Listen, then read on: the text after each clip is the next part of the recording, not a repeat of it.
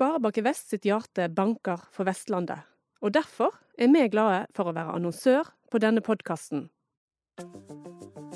Du hører på BT20, en podkast fra Bergenstidene.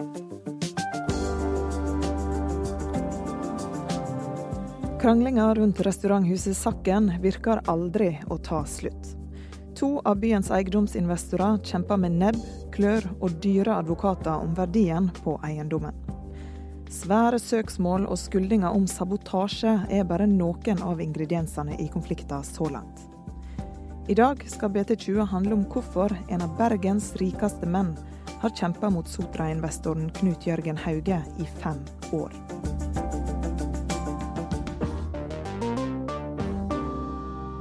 Mitt navn er Ingvild Nave.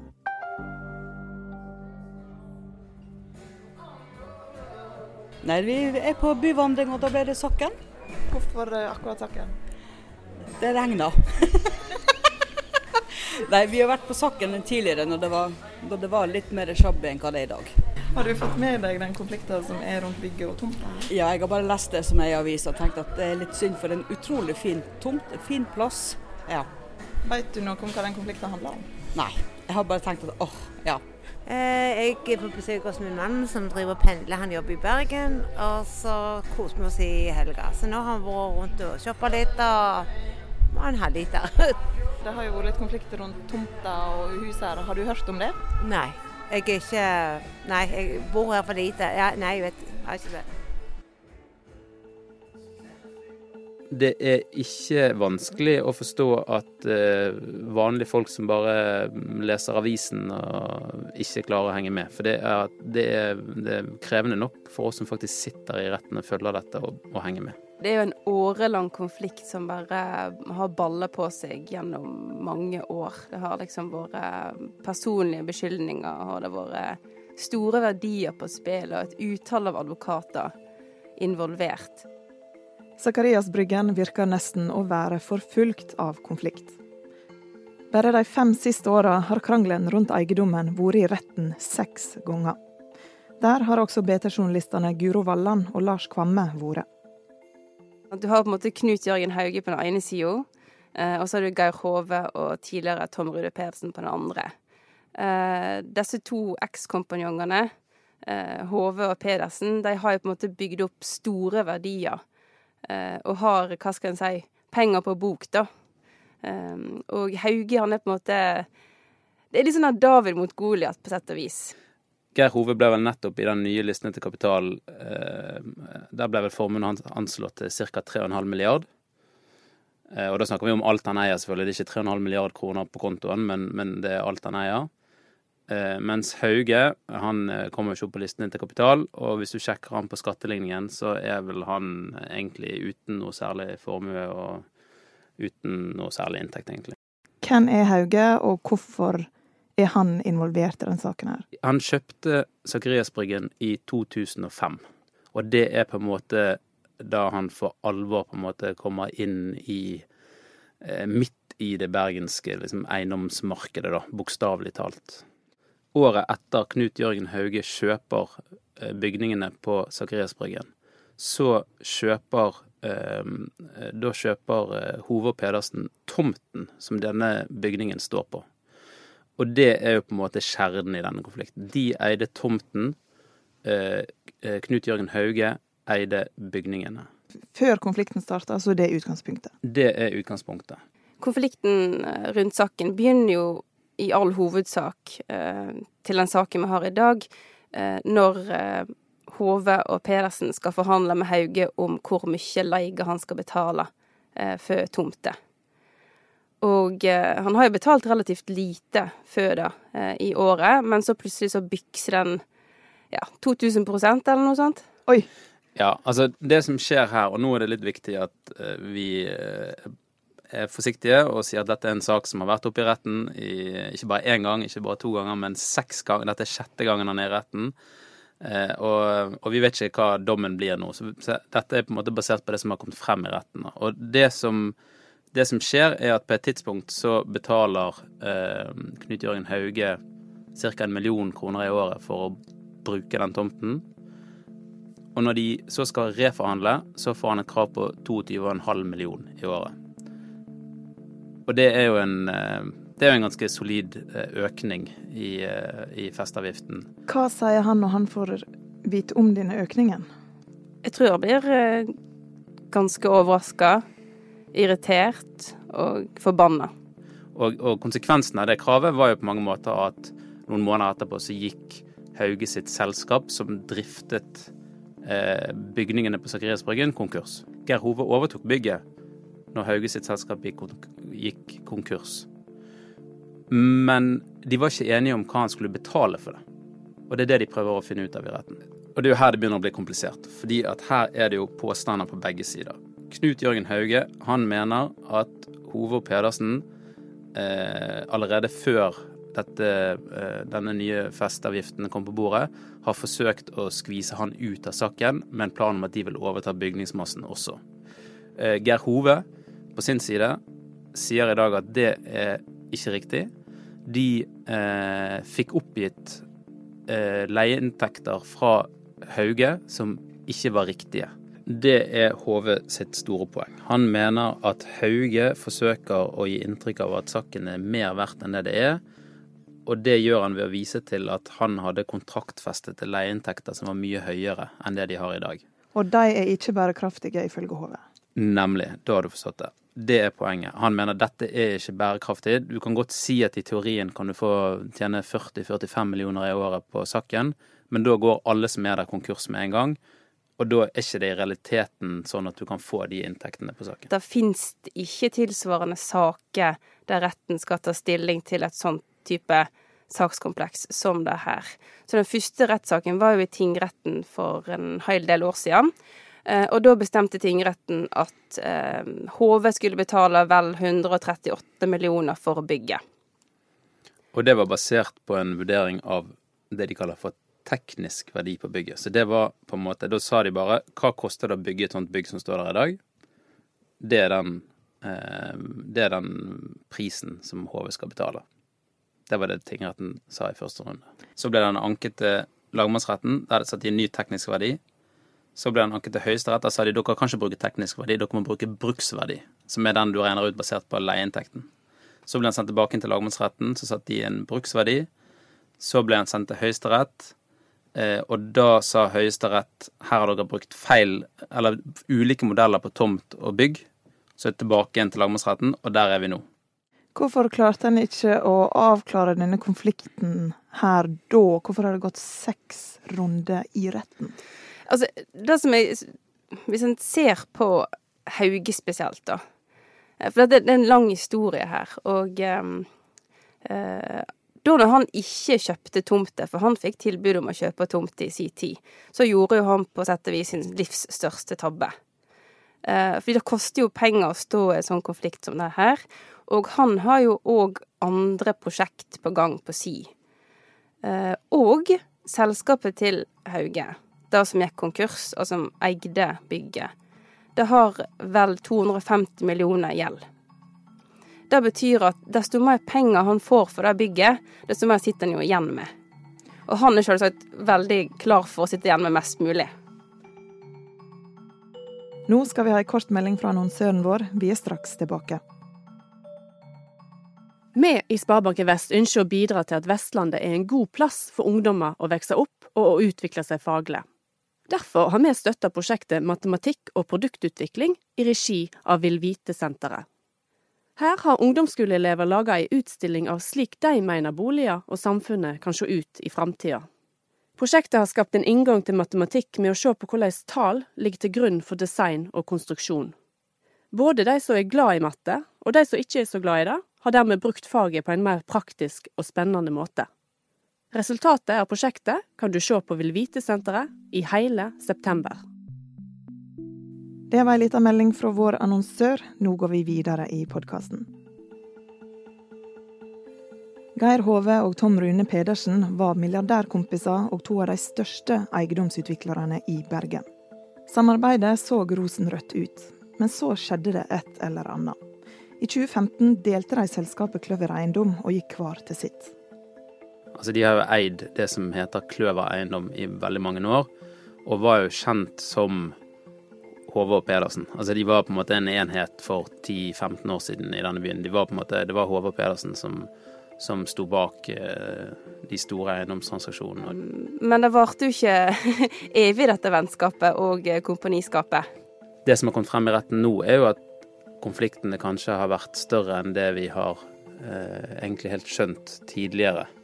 Men der vet vi som sagt ikke alt. Men, men eh, deler av det som kommer frem i retten nå, kan tyde på det at det har vært en større uenighet.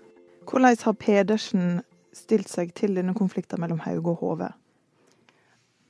Jeg vil si at han har stilt seg veldig avventende og på sida nøytral. Ikke lyst til å på en måte engasjere seg aktivt. Uh, stille i media. Ingen kommentar ofte, er jo det vi gjerne får høre. Uh, så han er litt sånn tilskuer til det hele. Og så ble han jo aktivt involvert nå i siste rettssak. Uh, da, da, da når Hauges sin side kaller han inn som vitne i rettssaken. Og da, da, måtte han jo bare møte, som han sa til oss, og måtte forholde seg til de spørsmålene som måtte komme.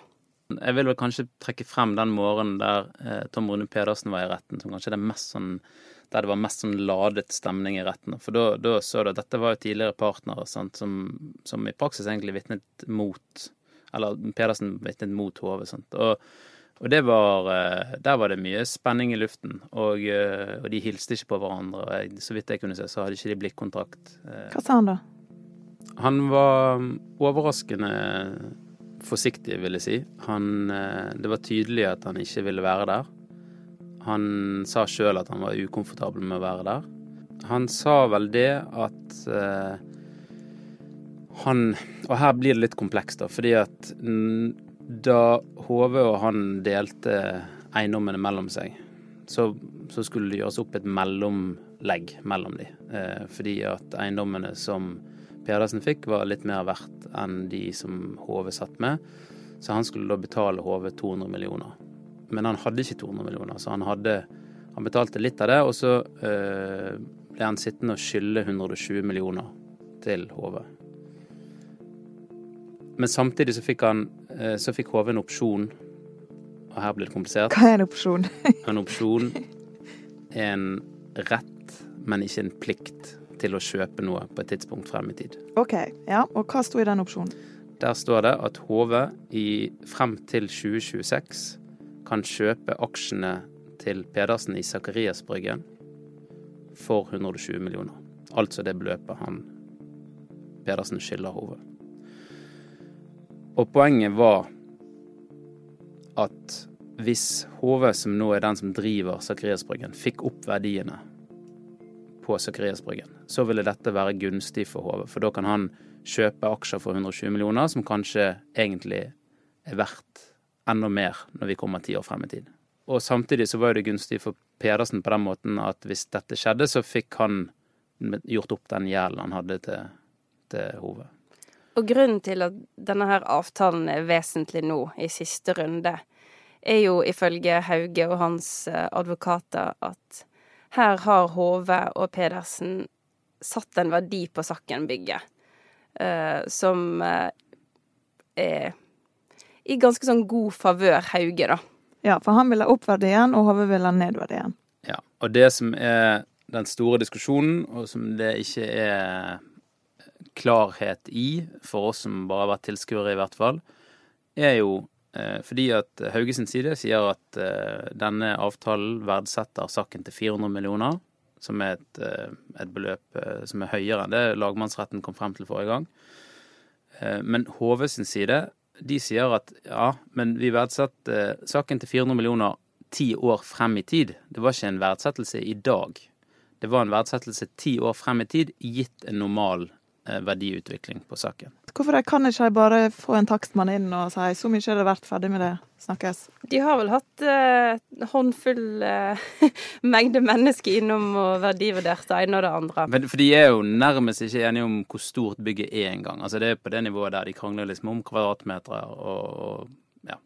Så, så, det, så, jeg vil si at eh, en del sånn grunnleggende faktum er de enige om, men ellers så er det stor avstand. Dere har jo møtt både Hauge og Hove ei rekke ganger. Eh, hvordan vil dere beskrive det? Først og fremst vil jeg si at de er hyggelige. Altså, de svarer på spørsmål, og eh, de bryr seg jo selvsagt om hva som blir skrevet i Bergens Tidende. Men samtidig, det er jo Jeg veit ikke. Vi er to forskjellige folk. Sant? Hauge, han er strilagutten. Hove, han er hotshot i byen.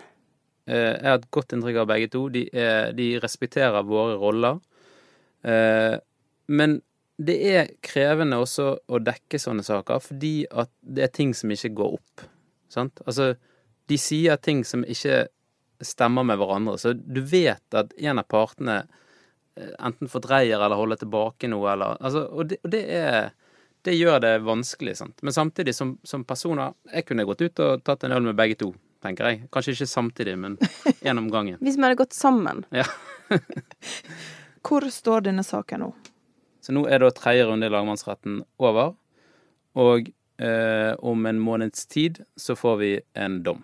Eh, og eh, i teorien så kan den muligens ankes til Høyesterett, men det kommer litt an på hva som står i dommen. For det er ikke sånn at du, du kan ikke anke fordi du ikke er enig med beløpet. Sånn som forrige gang så ble, så ble han eh, sendt tilbake til lagmannsretten fra Høyesterett fordi at de mente det var feil de hadde brukt feil regnemodell når de har regnet ut eh, taksten på tomten og bygget. Så, så de kan ikke Høyesterett Du kan ikke anke bare fordi du mener det er for lite verdt eller for mye verdt. Så det, det kommer litt av hva som kommer i dommen, om den kan ankes videre. Men uansett så nærmer vi oss nok en rettskraftig dom på dette, på den, i denne saken her. Og det som bare gjør saken veldig kul, egentlig, om det er lov å bruke det ordet, og spennende, er jo at det her Hvordan på en måte retten legger til grunn denne verdifastsettelsen, da kan få liksom følge for verdsettelse av næringseiendom i hele landet. Og da når Jeg husker veldig godt da jeg var i, i retten eh, i fjor. Da kom det på en måte eh, jurister fra Oslo med trillekoffert og skulle sitte der og bare høre på. Fordi det her har stor liksom, juridisk interesse, da. Selv om det er smalt, så er det Jeg tror det er hot topic innenfor uh, jussverden. Etter fem år i retten skulle en tro den lange kampen om saken gikk mot slutten. Men den gang ei. Hauge mener han er blitt utsatt for sabotasje og skvist ut av Sakken-eiendommen av Geir Hove. Nå har han varsla enda et søksmål i den evige krangelen om saken. Denne saken her skal egentlig bare handle om hva er eh, eiendommen på Sikkerhetsbryggen verdt, hva er tomten verdt, hva er bygget verdt, og det bygget er verdt, det skal Geir Hove betale til Knut Jørgen Hauge. Men så sier jo da, og det er jo det som kommer litt frem her nå med alle disse anklagene, så sier jo eh, Knut Jørgen Hauge at jeg har jo tapt masse penger på at dette her greiene her har holdt på så lenge som det har gjort. Og hvis jeg hadde sittet og eid dette hele tiden, så hadde jeg tjent masse penger som jeg nå ikke har. Så han har i tillegg varslet et erstatningssøksmål mot ikke bare Geir Hove, men også den tidligere bankforbindelsen sin. Eh, og tidligere så var også Tom Rune Pedersen en del av det erstatningssøksmålet, men han har da inngått et forlik med Hauge. Og mange mener jo at på grunn en del av det forliket, så mener i hvert fall Hove sin side at eh, det, det forliket har nok eh, innebefattet at han skulle vitne i denne saken her. Så poenget er det at til våren, hvis, hvis vi kommer til et svar i spørsmålet om verdien på saken nå, som blir rettskraftig, så kan alle bare glede seg. For til våren så er det satt av seks uker i Bergen tingrett, der vi skal begynne på nytt igjen med erstatningssøkmålet i dette sakskomplekset. Så denne her sagaen om kranglinga på Sakken, den ser fortsatt faktisk aldri ut til å slutte. Nei, og hvis vi er riktig heldige, så kan jo den saken som kommer opp nå til neste år, bli enda mer pikant. For der skal jo det bare handle om sabotasjene og om alt det som eh, på en måte har gått han imot. Så uten at jeg vet så mye om hva som kommer der, men, men jeg kan ikke forstå annet enn at For der skal det ikke handle om verdien. Så der er det jo slutt på taksten med kvadratmeter og, og, og Olivia-kontrakter og sånne ting. Da er det jo bare alt rabalderet som skal opp. Og det begynner jo da i tingretten, og så kan jo det bli anket. Det var ukas episode av BT20. Vi er tilbake neste uke. Har du innspill til hva vi bør lage podd om, send en e-post til meg på ingvild.navet.bt.no. Produsent for sendinga er Henrik Svanevik. Og mitt navn er Ingvild Nave. Har du lyst til å høre mer om de samfunnsnyttige prosjektene til Sparebanken Vest? Da kan du gå inn på spvhjertebank.no.